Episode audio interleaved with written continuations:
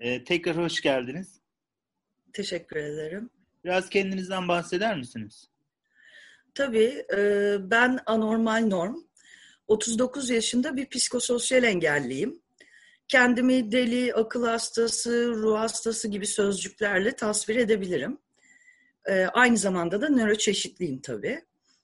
Twitter'da deli hakları ile ilgili farkındalık çalışması yürütüyorum. 26 yıldır bipolar ile yaşıyorum. Günlük hayatımda yaşadığım yerde kimliği açık e, bir bipolarım. 24 yıldır kesintisiz ilaç tedavisi ve terapi sayesinde bağımsız bir hayat sürdürüyorum. Şimdilik bu kadar diyebilirim. Peki. Ee, neler yaşıyorsunuz? Gündelik hayatınızı nasıl sürdürüyorsunuz? Bugüne kadar nasıl bir eğitim, e, işte terapi ya da e, yaşantınız oldu? Kısaca ondan bahseder misiniz? Tabii. E, yani şu an hayatımdaki gündelik zorluklardan biri e, tüm nöroçeşitlilerin uğradığı ayrımcılığa ve hangi koşullara mahkum edildiğine tanık olmak. Buna tahammül etmek ve e, elimden pek de bir şey gelmemesi. Bu biraz vicdan meselesi oluyor. Hı Herkes gibi geçim derdi faturalar gibi maddi kaygılarım var. Bizim hakkımızda nasıl konuşulduğuna, toplumun, medyanın damgacı diline sabır göstermek apayrı bir konu. Bunu taşımak, her gün e, tetiklenmek yorucu bir şey. E, onun dışında birçok travma atlattım. Bunları da uzun süren e, terapi e, sonucunda e, iyileştirebildim diyeyim. Ben de bıraktığı izleri. E, tabii burada şey de belirtmek lazım. E, terapi biraz da şans işi. Doğru doktora ulaşabilme işi. E, bahsettiğim süreci biraz aktarmak isterim. Travma nasıl gerçekleşti? E, halüsinasyon, sanrı, dikkat bozukluğu, yoğun anksiyete duyguları yaşarken onlarca insan tarafından sürekli etiketlendim ve damgalandım. Ee, çeşitli hakaretler benim reaksiyonlarım çalışmazken e, suratıma bile söylendi. Aynı zamanda da hayati risk altındayken izole edilmiş oldum. Ee, bahsettiğim dönem öforik e, psikoz, e, mani dönemi ve bu dönemde hayati riskimiz bayağı yükseliyor bizim. Ee, ayrıca sosyal çevremde yani bu mobbingin yanında o anki zihinsel durumumu zaaf olarak görüp bana cinsel istismar amacıyla yaklaşan kişilerle de baş etmek zorunda kaldım. Ee, bu travma bir sürü olayı tetikledi, bir sürü kaybı tetikledi.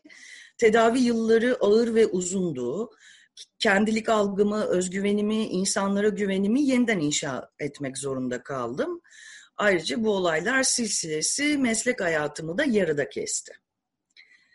Ee, biraz da ekmeğimden oldum yani.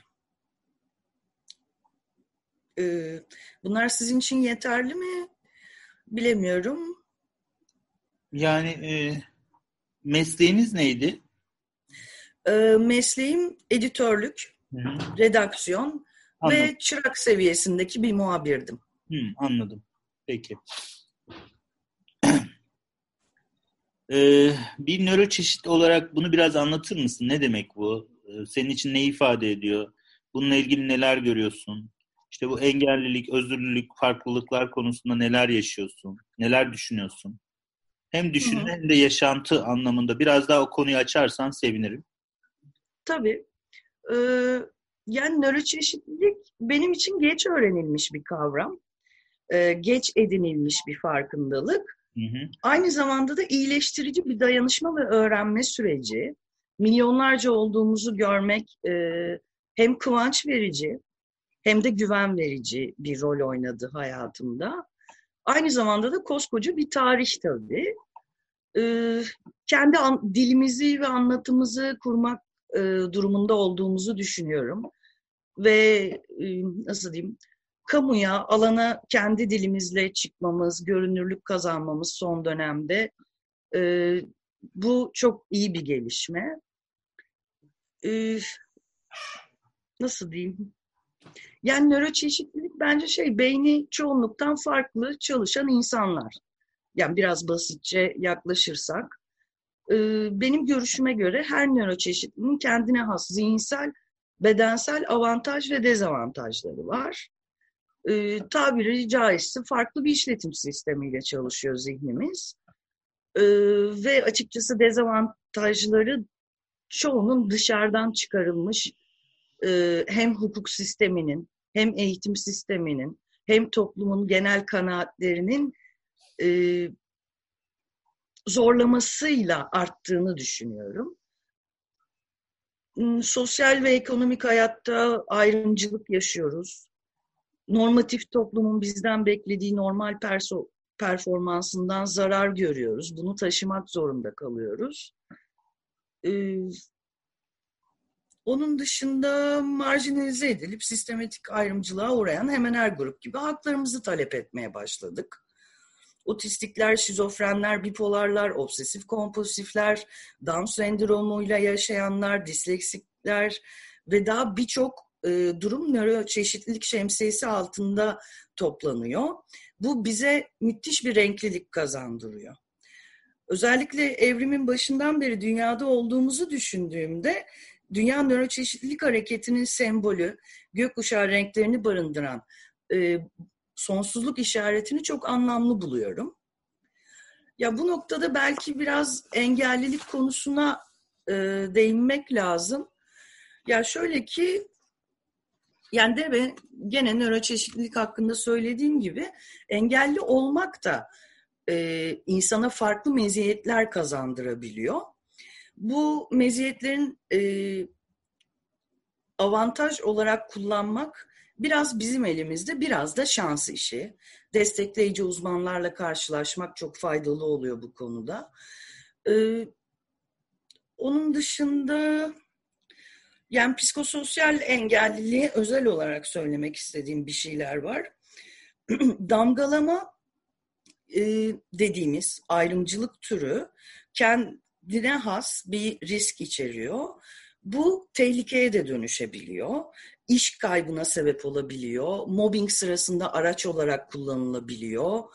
E, hatta şu an ben kendi ismimle değil, müstehar isimle röportaj vermeyi tercih ediyorum. Ki bu benim hiç hoşuma gitmiyor tabii ki. Kendini saklamak zorunda kalmak. Bununla birlikte engellilik biraz da moral bozucu bir anlam kazandı. Özellikle hak gasplarını takip etmeye başladıktan sonra. Ama gene de iyileştirici bir dayanışma içinde buna katlanmak gittikçe kolaylaşıyor. Ee, özürlülük hakkında diyeceğim tek şey benim varlığım özür dilinecek, kahrolunacak, şükredilecek, korkulacak, acınacak bir şey değil. Şey de değil. İnsanlık hallerinden biri sadece. Ee, artı özür dilememiz, boynu bükük, eksik insan gibi yaşamamız gerektiği dayatması bu algı e, açıkçası çoğunluğun hüsnü kuruntusu. Başka da bir şey değil ve sakilce e, adlandırmalar olduğunu düşünüyorum. Bozukluk, düzensizlik. E, bunlar oldukça yaralayıcı ve ne yazık ki hem uzmanların hem de e, sıradan tırnak içinde sıradan insanların diline pelesenk olmuş halde. Bu çağrışımlar, bu kelimelerin getirdiği çağrışımlar devamlı bizim tamamlanması gereken, düzeltilmesi gereken, normalleştirilmesi gereken insanlar yerine konmamıza sebep oluyor. Ee, yakın zamanda da mı olur, orta vadede mi olur bilemiyorum ama bu kelimelerin değiştirilmesini umuyorum.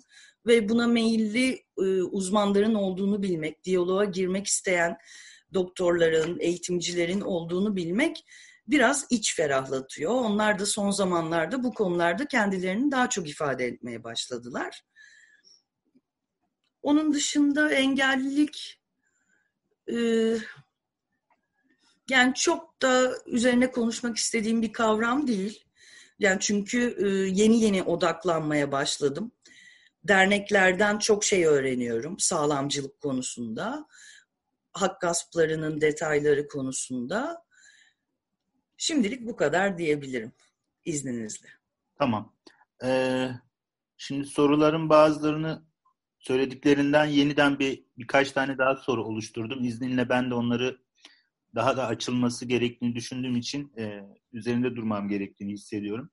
Birinci sondan başlayalım. Sağlamcılık dediğin şey nedir? E, biraz onu açar mısın? Çünkü... Yani benim zihnimde sağlamcılık engellilere yönelik ayrımcılık demek. Örnek vermek gerekirse bizim göreceğimiz şekilde veya görmeyeceğimiz şekilde tahtaya vurup çok şükür engelli değilim, çok şükür bacaklarım var demek e, biraz egoya hizmet eden bir şey gibi geliyor. Yani e, sağlamcı insanlara hizmet eden bir durum bu. E, bizim için ise korkulacak, nefret edilecek, belki de elenmesi gereken insanlar olduğumuza dair çağrışımlar yapıyor bu. Ve tarihte bunun örnekleri de var tabii. Ee, bu da hazmedilmesi kolay bir bilgi değil. Dolayısıyla sağlamcılığın da diğer ayrım türleri gibi bir an önce ciddiye alınması gerektiğini düşünüyorum. Ee, şimdilik diyeyim, sadece şimdilik e, bizim güvendiğimiz gazeteciler, e, bazı dernek üyeleri, e, hak savunuculuğu yapan uzmanların dili ne yazık ki hala sağlamcı. Ama gene de engelli hareketinin, nöroçeşitlilik hareketinin sağlamcılığa karşı çok daha dirençli, çok daha sistemli çalıştığını fark ettim son zamanlarda. Ee, onun dışında soruyu tekrar duyabilir miyim diyeyim. Sağlamcılık nedir diye sormuştum ama evet, evet, bence açıkladı, açıklamış oldun. Ya, Bu, tamam yeterli. Buna şöyle bir şey eklenebilir. Hani e, dışlanma, ötekileştirilme, ne bileyim e, yok sayılma, hakkın elinden alınması bunların gündelik hayatta e, ki karşılığını biraz daha açarsan hani en azından biraz daha sağlamcılık sanki yerli yerine oturur gibi geliyor bana.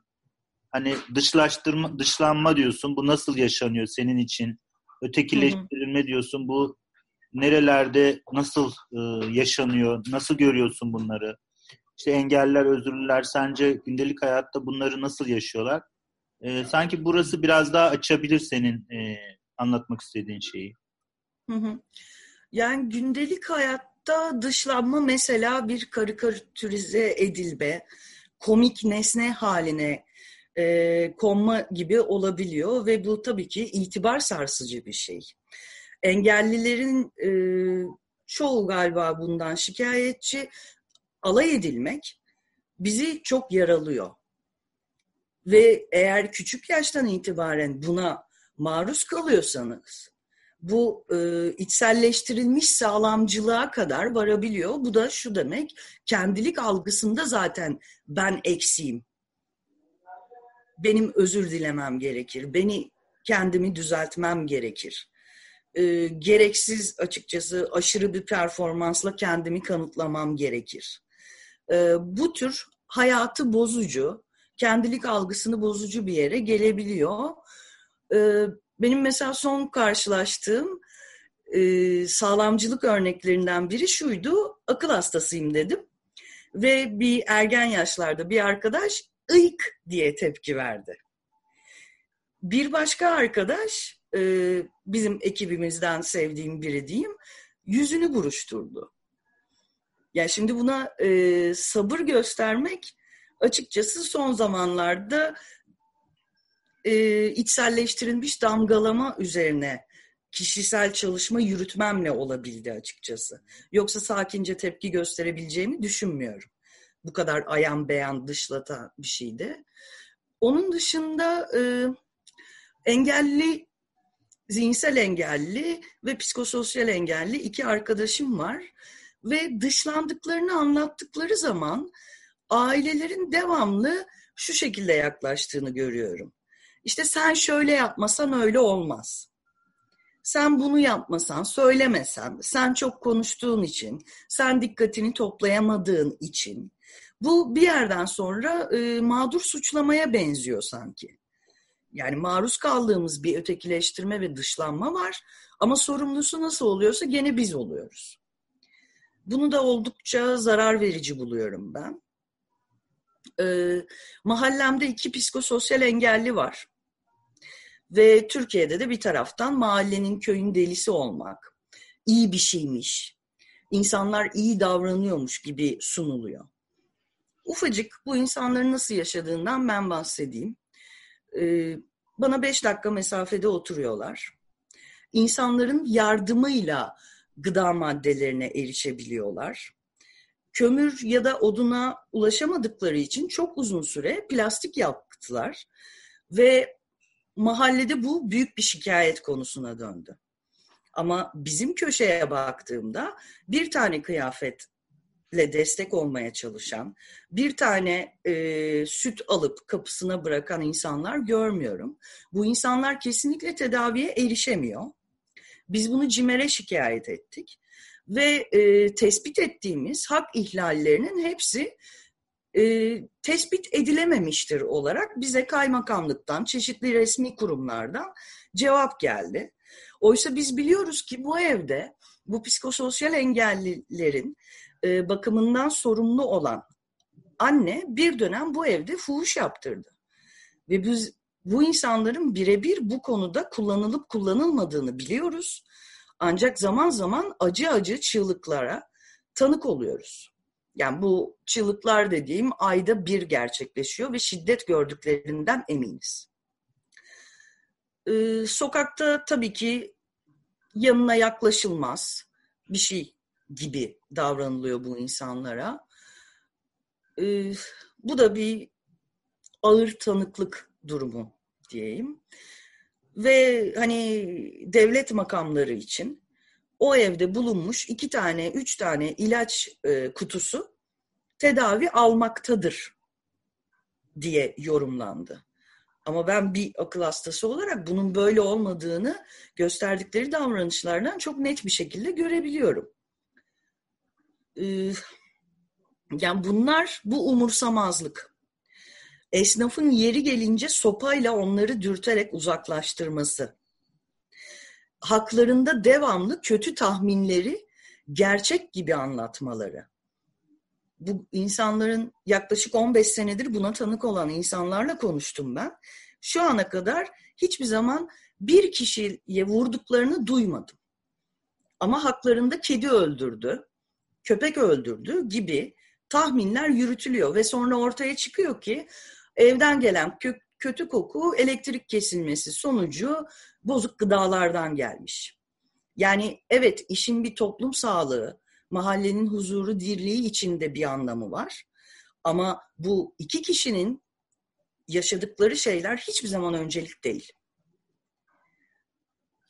Bu beni açıkçası çok yaralıyor ve insanların sağlamcı zihnini de bence oldukça gösteriyor. Çünkü sağlamcılık her ayrıştırma, her ötekileştirme gibi e, nesneleştirmeyi de içeriyor. Ve fark etmeden bunu bir sürü insan yapıyor. Uygulamaya döküyor çevremde, komşularım vesaire. Diğer taraftan bunlar çok iyi insanlar. Sağlamcılık sadece kötü insanların, kötü niyetli insanların uyguladığı bir ayrımcılık değil. Yani bu korkutucu da bir şey. Yani özellikle son zamanlarda çok haberlere çıkıyor. Otistik arkadaşlarımızın okullardan kovulmasını savunan öğretmenler, okul müdürleri e, ve veliler söz konusu. Bunlar çok reel şeyler. Ve bütün hepsi bir zihniyet altında toplanıyor. Bu da sağlamcılık. Bilmiyorum sizin için yeterince açıklayıcı oldu mu?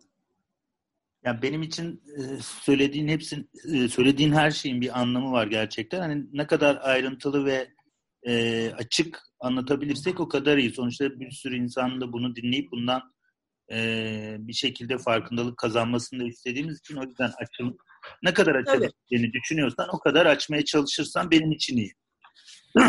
ee, tamam. Yani e, aslında sağlamcılığın temeline benim zihnimde bağlanan başka bir konu var. O da öjenik politikalar. bildiğim kadarıyla aktarayım. 19. yüzyılın sonlarına doğru 20. yüzyılın başında öjenik politikalar, entelektüeller, doktorlar tarafından konuşulan, kimileri tarafından savunulan bir şey. Bu ayrıştırma, eksik insanları eleme ve ideal topluma ulaşma durumu. Ee, ve bunun en acı sonuçlarından biri şöyle gerçekleşiyor. 1 ee, Eylül 1930'da, 39'da yanlış hatırlamıyorsam Hitler Aksiyon T4 diye bir belge hazırlıyor. Daha doğrusu imzalıyor. Ee, bu belge engellilerin, özellikle de zihinsel engellilerin e, istemsiz ötenazi e, uygulamalarına yol açıyor. E, bu belge aracılığıyla bazı kriterler belirleniyor ve akıl hastanelerinde yaşayan zihinsel engelliler ve e, akıl hastalarının hangi durumlarda öldürülebileceğine karar veriliyor. Mesela hastanelerde çalışan, temizlik yapan ya da yemek pişiren akıl hastaları, zihinsel engelliler öldürülmüyor. Çünkü hastane için bir fayda söz konusu. Ancak tedaviyi e, tedaviye dirençli hastalığı durumları olanlar e, rahatça öldürülüyor. Hatta ölümleri ne kadar sürüyor, şu zehri, şu e, ilacı verdiğimiz kadar ölüm süreci zaman ölüm sürecini ne kadar uzatabiliyoruz ve bu deneyleri hemşireler ve doktorlar gerçekleştiriyor. Bu çok korkutucu bir gerçek. E, hazmetmesi kolay bir bilgi değil ilk etapta karşılaştığımızda ama bunu bilmemiz gerektiğini düşünüyorum. Bu e, rakamlara ulaşmak istediğimde 200 bin ila 600 bin arasında e, rakamlar gördüm. Dolayısıyla doğru rakamı aktaramıyorum. Tarihi belgelerde bunlar kaybolabiliyor. E, ama şunu dinledim bir psikiyatristten. E, bir yüzleşme konuşmasıydı as, e, aslında o röportaj. E, şöyle, e, kusura bakmayın karıştırdım. E, yani biliyorsunuz İkinci Dünya Savaşı'nda e, birçok kitlenin, eşcinsellerin, Yahudilerin, komünistlerin gaz odasına gönderilmesi gibi bir durum var. Ama İkinci Dünya Savaşı'nın başladığı dönemde ilk önce akıl hastaları ve zihinsel engelliler öldürülüyor. Çünkü zaten bakım evlerine terk edilmiş ya da aileleriyle birlikte izole olmuş bir şekilde yaşıyorlar. Toplum bunu uzun süre fark etmiyor. Bilenler umursamıyor. Diğer yandan da 6 ayrı psikiyatri hastanesinde gerçekleştirilen e, ötenaziler Yahudilerin de öldürülmesinde kullanılan gaz odalarının ilk deneyleri haline geliyor. Bu konuya dair gaz odalarının nasıl olduğuna dair notlar söz konusu e, ve hani öjenik politikaları sağlamcılıkla birleştirdiğimizde ve tarih her zaman bugüne bazı izler bıraktığını düşünürsek e, Amerika'da bir otistik meltdown geçirirken bir polis tarafından öldürüldüğünde bu gündeme dahi gelmeyebiliyor. E, dolayısıyla bütün bunların bağlantılı olduğunu, ekstrem koşullarda her zaman elenebilecek insanlar olarak görüldüğümüz mesajını veriyor bu bana. Ee, mesela şöyle haberler çıktı Covid sürecinde. Ee, bir tanesi İsrail'dendi. Ee, gerekli durumlarda Covid hastalarını kurtarmak için engellilerin görmesi gereken, Covid-19'a tutulan engellilerin e, görmesi gereken tedavi 5. 6. önem sırasına itildi. Daha doğrusu bunu denediler. Bir an önce tepki gördüler ve bu bir kenara bırakıldı. Ama bir kısım yetkilinin engellilerin solunum cihazlarını geri alıp COVID'li hastalar için kullanmayı konuşabilmesi. Bu da Amerika'da oldu. Ee, bu niyetler şimdilik azınlıkta da olsa aslında bir kaos olsa ne olacağını bilmiyoruz. Ve işleri oraya getirmeyeceğimize de inanıyorum ben diğer taraftan. Çünkü birçok konuda farkındalık geliştirmeye çalışan, sağlamcılıktan kurtulmaya çalışan insanlar da artıyor gitgide. Hala azınlığız ama ayrımcılık türlerine karşı e, önce zihinsel sonra da kamuda bir mücadeleye başlıyoruz.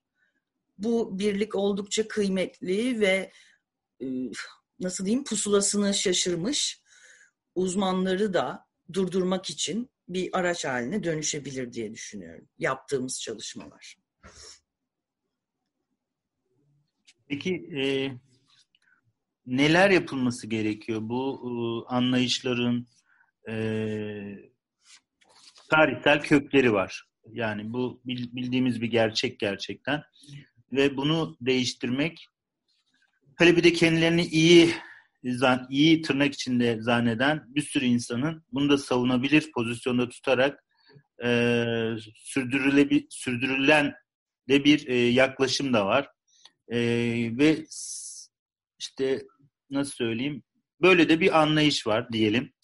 Bu anlayışın daha köklü, daha tarihsel, daha kabul gören bir anlayışın karşısına e, çıkıp e, dikilip e, artık bunu böyle de kabul etmeniz gerekiyor ya da anlamanız gerekiyor, farkında olmanız gerekiyor demesi için neler olması lazım sence?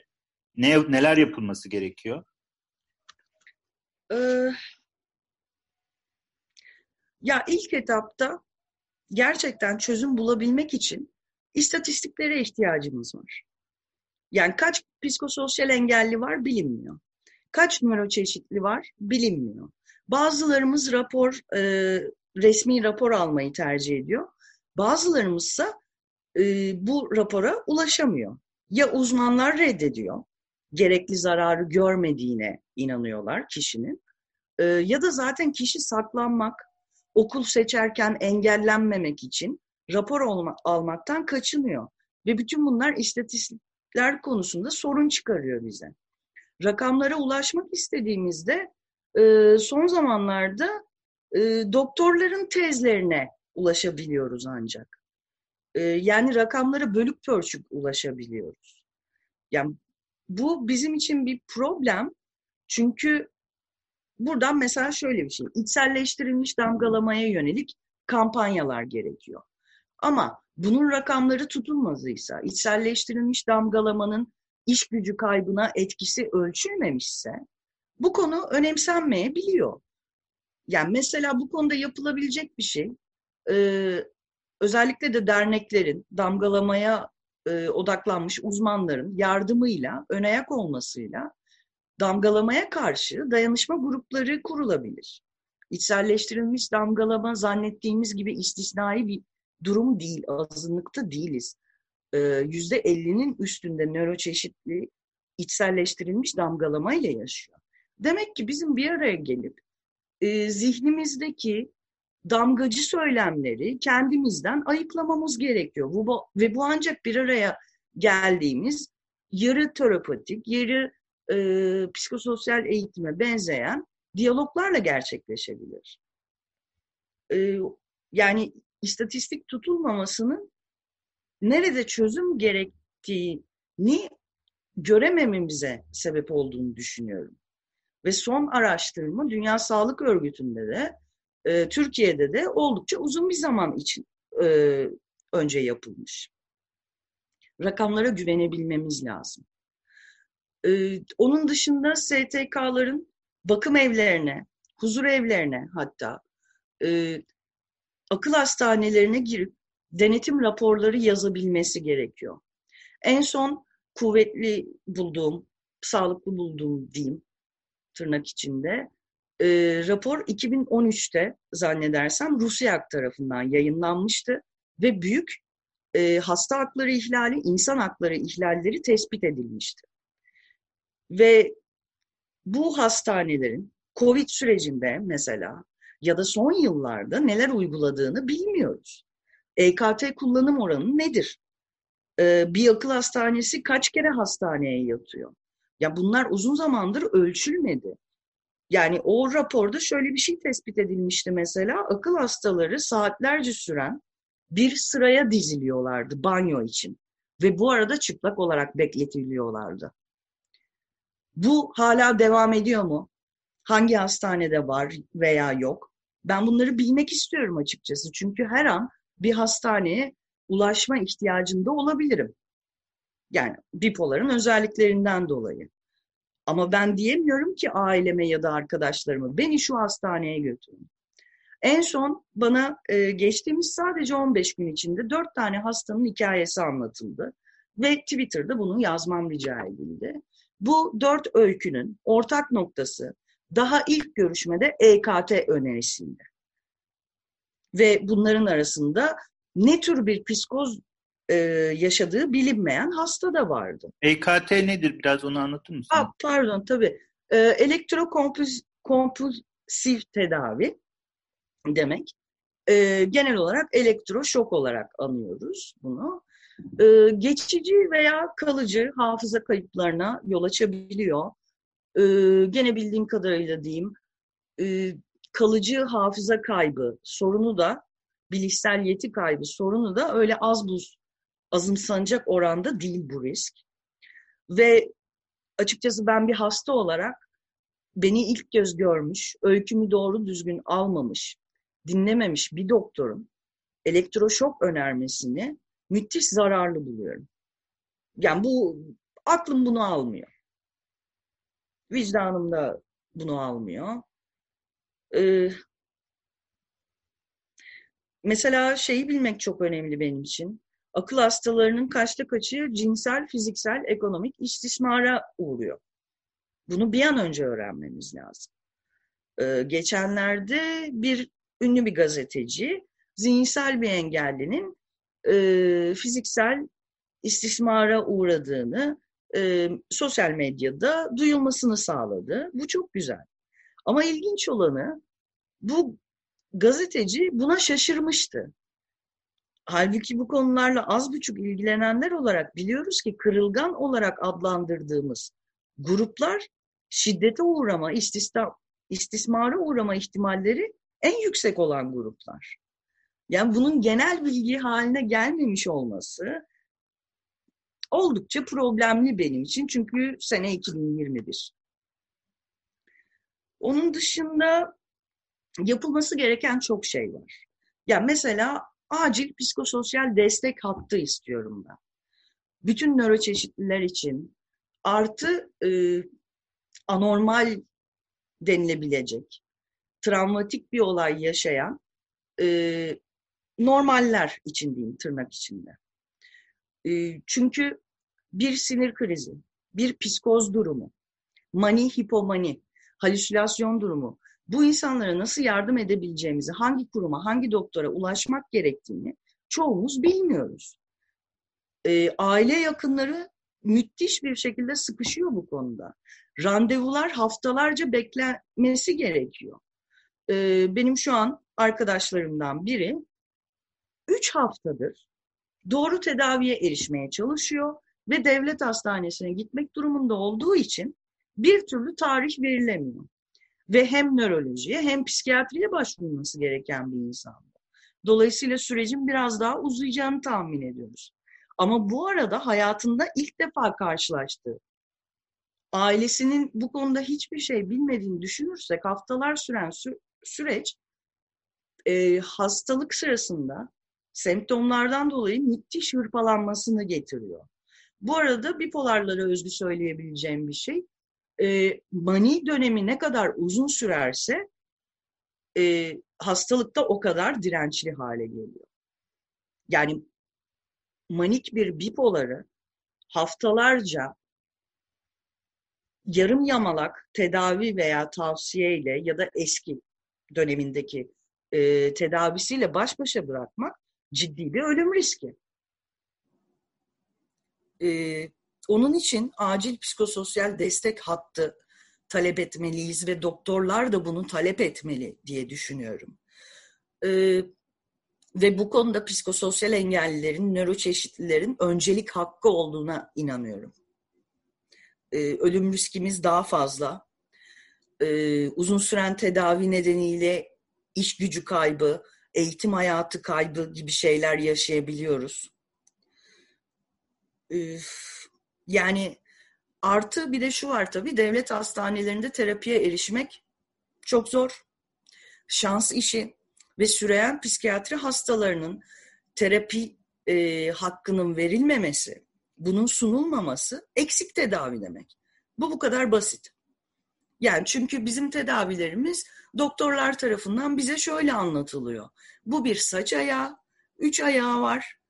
Bir tanesi psikososyal destek. Bir ikincisi ilaç tedavisi. Üçüncüsü de terapi.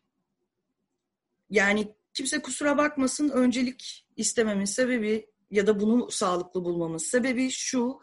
Halüsinasyonu ilk defa gördüğünüzde, ilk defa sanrı yaşadığınızda, paranoyayla e, üç ay yaşadığınızda bunları anlamlandırmakta zorlanıyoruz.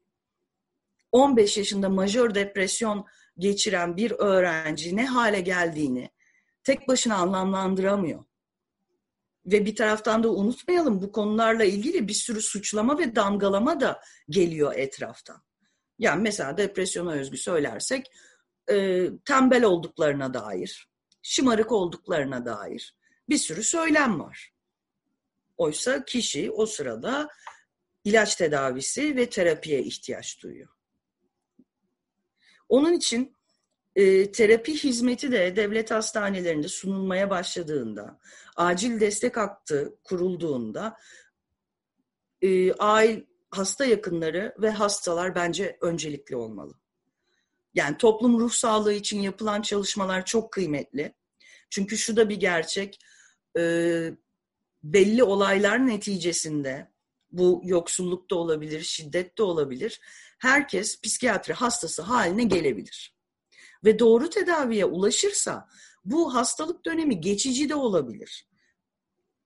Ama psikososyal engelliler açısından baktığımızda iş değişiyor. Ee, onun dışında güncel bir e, somut sorunumuz ve talebimiz var. Bütün engelliler neredeyse e, ve psikososyal engelliler, nöroçeşitliler e, COVID-19 risk grubundalar aslında. Bu bilimsel olarak kanıtlanmış bir şey. Ama öncelik değiliz. Yani aşıda öncelik hakkımız olmalı. Risk grubuyuz. Ama bundan e, bahseden Türkiye Psikiyatri Derneği'ni gördüm mesela. Ama haberleştirilmedi. Böyle bir durum var. Bu çok somut, güncel ve çözülmesi gereken bir sorun. Ee, bir de genel olarak sorunları e, çözebilmek için, gerçekten çözüm olacak hale getirebilmek için uzmanlarla hastaların diyaloğa girmesini diliyorum. Bence iletişim köprüleri kurmamız gerekiyor. Ee, sorumlu kelimeleri de uygulamaları da bizim açımızdan zarar verici bulduğumuz e, örnekleri onlara aktarabilmemiz gerekiyor.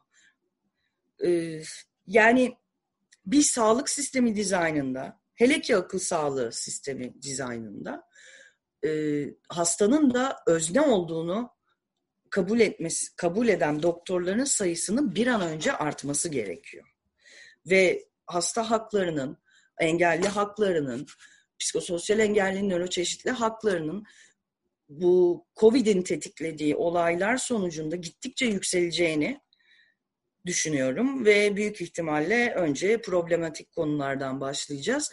Ama uzmanlarla hastalar ne kadar e, çabuk iletişim ağlarını kurarsa o kadar da hazırlıklı oluruz. Ya mesela ruh sağlığı yasasından bahsediliyor. Ben bugüne kadar ruh hastalarının fikrinin alındığını görmedim. Böyle bir gereklilik olduğunu düşünen ya da beyan eden bir dernek de görmedim. Bunu düşünen doktorlar tabii ki vardır. Ama bu kadar çok hak ihlalinin olduğu yerde yasa hazırlanırken sadece uzmanlara başvurmak bizim için olsa olsa bir iki hak ihlalinden yırtmamızı sağlar. Ya da daha büyük problemler çıkarır. Yani çünkü biliyorsunuz nöroçeşitlilerin ve akıl hastalarının, zihinsel engellilerin e, akıl kullanma biçimlerinin değeri bilinmediği için bizim mahkemelerde sözümüz geçmeyebiliyor. Bir gayrimenkul alım satımında memurlar bize zorluk çıkarıyor. Hele ki raporumuz varsa. E, polise, karakola başvurduğumuzda şiddet olayını aktardığımızda bizim beyanımızın yalan olduğu düşünülüyor. Bunlar çok tehlikeli şeyler.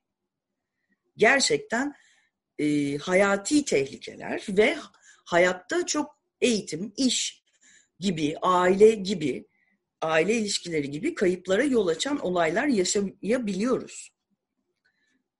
E, bunun tek yolunun ben bu yasa tasarısına bizim de katkımızı koyabilmemiz, ihtiyaçlarımızı uzmanlara aktarabilmemiz gerektiğini düşünüyorum. Bence ancak böyle çözebiliriz bunu. Ee, onun dışında tabii ki farkındalık gerekiyor ve medyanın bu rolü, buradaki rolü çok önemli. Senaristlerin ve gazetecilerin bir kısmının ruh hastası, şizofren, bipolar, otistik, geri zekalı gibi kelimelerin hakaret olmadığını, esas hakaretin de bu insanların birebir kendisine gittiğini e, fark etmediklerini görüyorum. Haberdar değiller. Yani bir siyasetçi şizofren kelimesini hakaret ve suçlama ve beyan geçersizleştirme için kullandığında gerçekten çok iyi bulduğum gazeteciler bunu basit bir hakaretmiş gibi sunuyorlar. Esas hakaretin şizofrenlere gittiğinin farkında bile değiller. Onun dışında e, bipolar katliamı, şizofren hırsız gibi haberlere rastlıyoruz televizyonda. Bunlar bir algı şekillendiriyor. Biz bir taraftan farkındalık uyandırmaya çalışırken bizden çok daha kuvvetli bir mecra damgacı söylemleri, e, ayrımcı söylemleri tekrar tekrar üretiyor. Dolayısıyla sağlamcılık konusunda kendini yetiştiren gazeteciler bizim için çok önemli. Hatta bu bir istihdama bile dönüşebilir çünkü e, bir sürü gazetecinin aslında ruh hastası olduğunu da biliyorum ben. Bu bana aktarıldı. Kamusal bir bilgi değil. E, yazı işlerinin kraliçesi diye adlandırılmış bir gazeteci o dönemde bu 70'lerde oluyor. Bir sürü şizofreni, otistik olduğuna şüphelendikleri kişileri o zaman tanı almak zor tabii. Ee, Birçok nöroçeşitliği bile isteye istihdam ettiklerini aktardı bana. Yani bu çok ilginç bir şey çünkü yani bunun sebebi de şu. Bazılarımızın müthiş bir konsantrasyon yeteneği var. Ve bu çeviri, redaksiyon ve editörlük yapıyorsanız muazzam bir avantaj. Ya bunu değerlendirmek için istihdam edilebiliriz. Ama bu farkındalık düzeyinde genel e, söylem ben bu insanları iş hayatına almak istemiyorum, iş vermek istemiyorum. Yani bu oldukça problemli. Ve bu noktada yani gene öjenik politikalara bağlamak istersek e, şizofreniyi önlemek bipoları ortadan kaldırmak. Ee, bunlar bizim için problemli kelimeler. Tarihsel bilgiden dolayı. Yani belki de olumlu bir ortamda o kadar da umursamazdık, bilemiyorum. Fark etmezdik.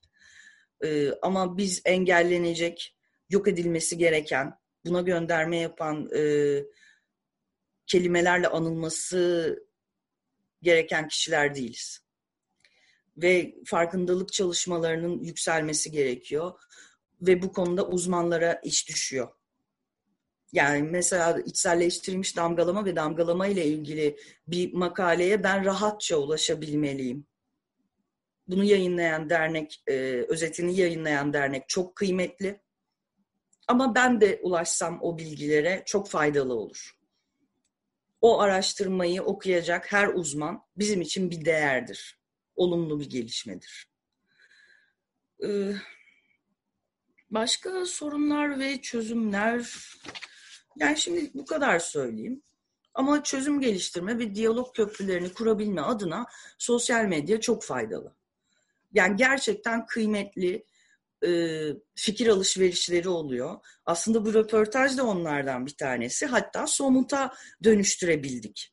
Ve bunu hem de bir eleştiri sayesinde yaptık. Yani bu diyaloğun samimiyeti ve dayanışmacı hali müthiş bir şey ve sosyal medya sayesinde oldu bu. Yani onun için nöroçeşitlilerin, akıl hastalarının kendini saklama ihtiyacı hisseden bütün hastaların sosyal medyaya daveti, Oralarda onlara e, güvenli ortamlar hazırlamamız çok önemli bence. Öyle. Peki sosyal medyada neler yapılabilir? Bu konuda biraz fikrini alabilir miyim? Hani e, ön açıcı olsun en azından. Hı hı. Yani sosyal medyada kendi dilimizi yavaş yavaş bulabiliriz, kurabiliriz. Nasıl anılmak istediğimizi yaygınlaştırmaya çalışıyoruz. Ve işin güzel yanı artık birçok nöroçeşitli olmayan insanda başkalarını uyarmaya başladı.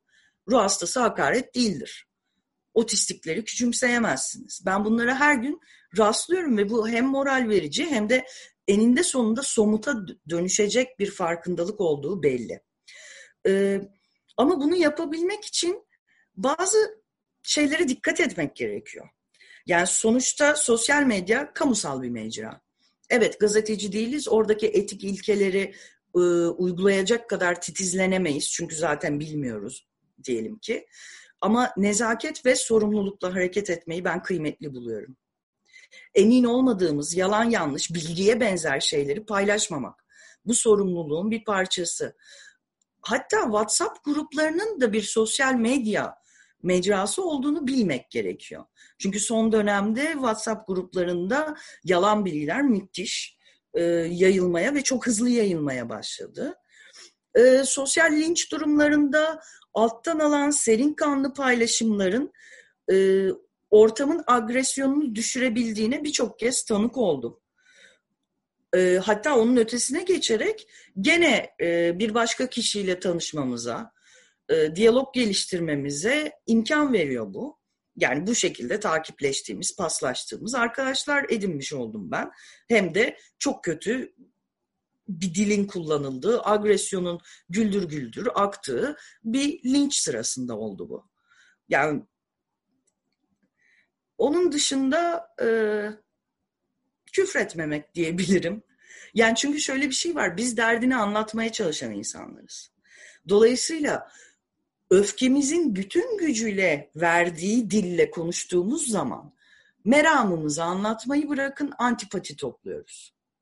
Yani dolayısıyla sosyal medyadan faydalanmak isterken e, gerçekten dikkatli ve serin kanlı olunması gerektiğini düşünüyorum ben. E, bu sayede de sosyal medya dayanışma ağına dönüşüyor.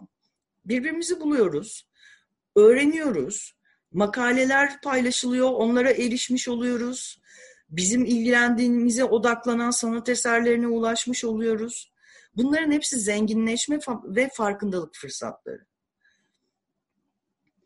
Ee, onun dışında somut sosyal medya ile söyleyebileceğim bir şey yok ne yazık ki. Ee, şimdilik böyle bırakalım. Bu e, son dönemde işte Merhaba Spektrum'la başlayan ve e, iyice e, işte bir Ah, neydi? Unuttum bak. Hmm. Ben de hatırlayabilirsem kelimeyi. Hangisini kastettiniz acaba?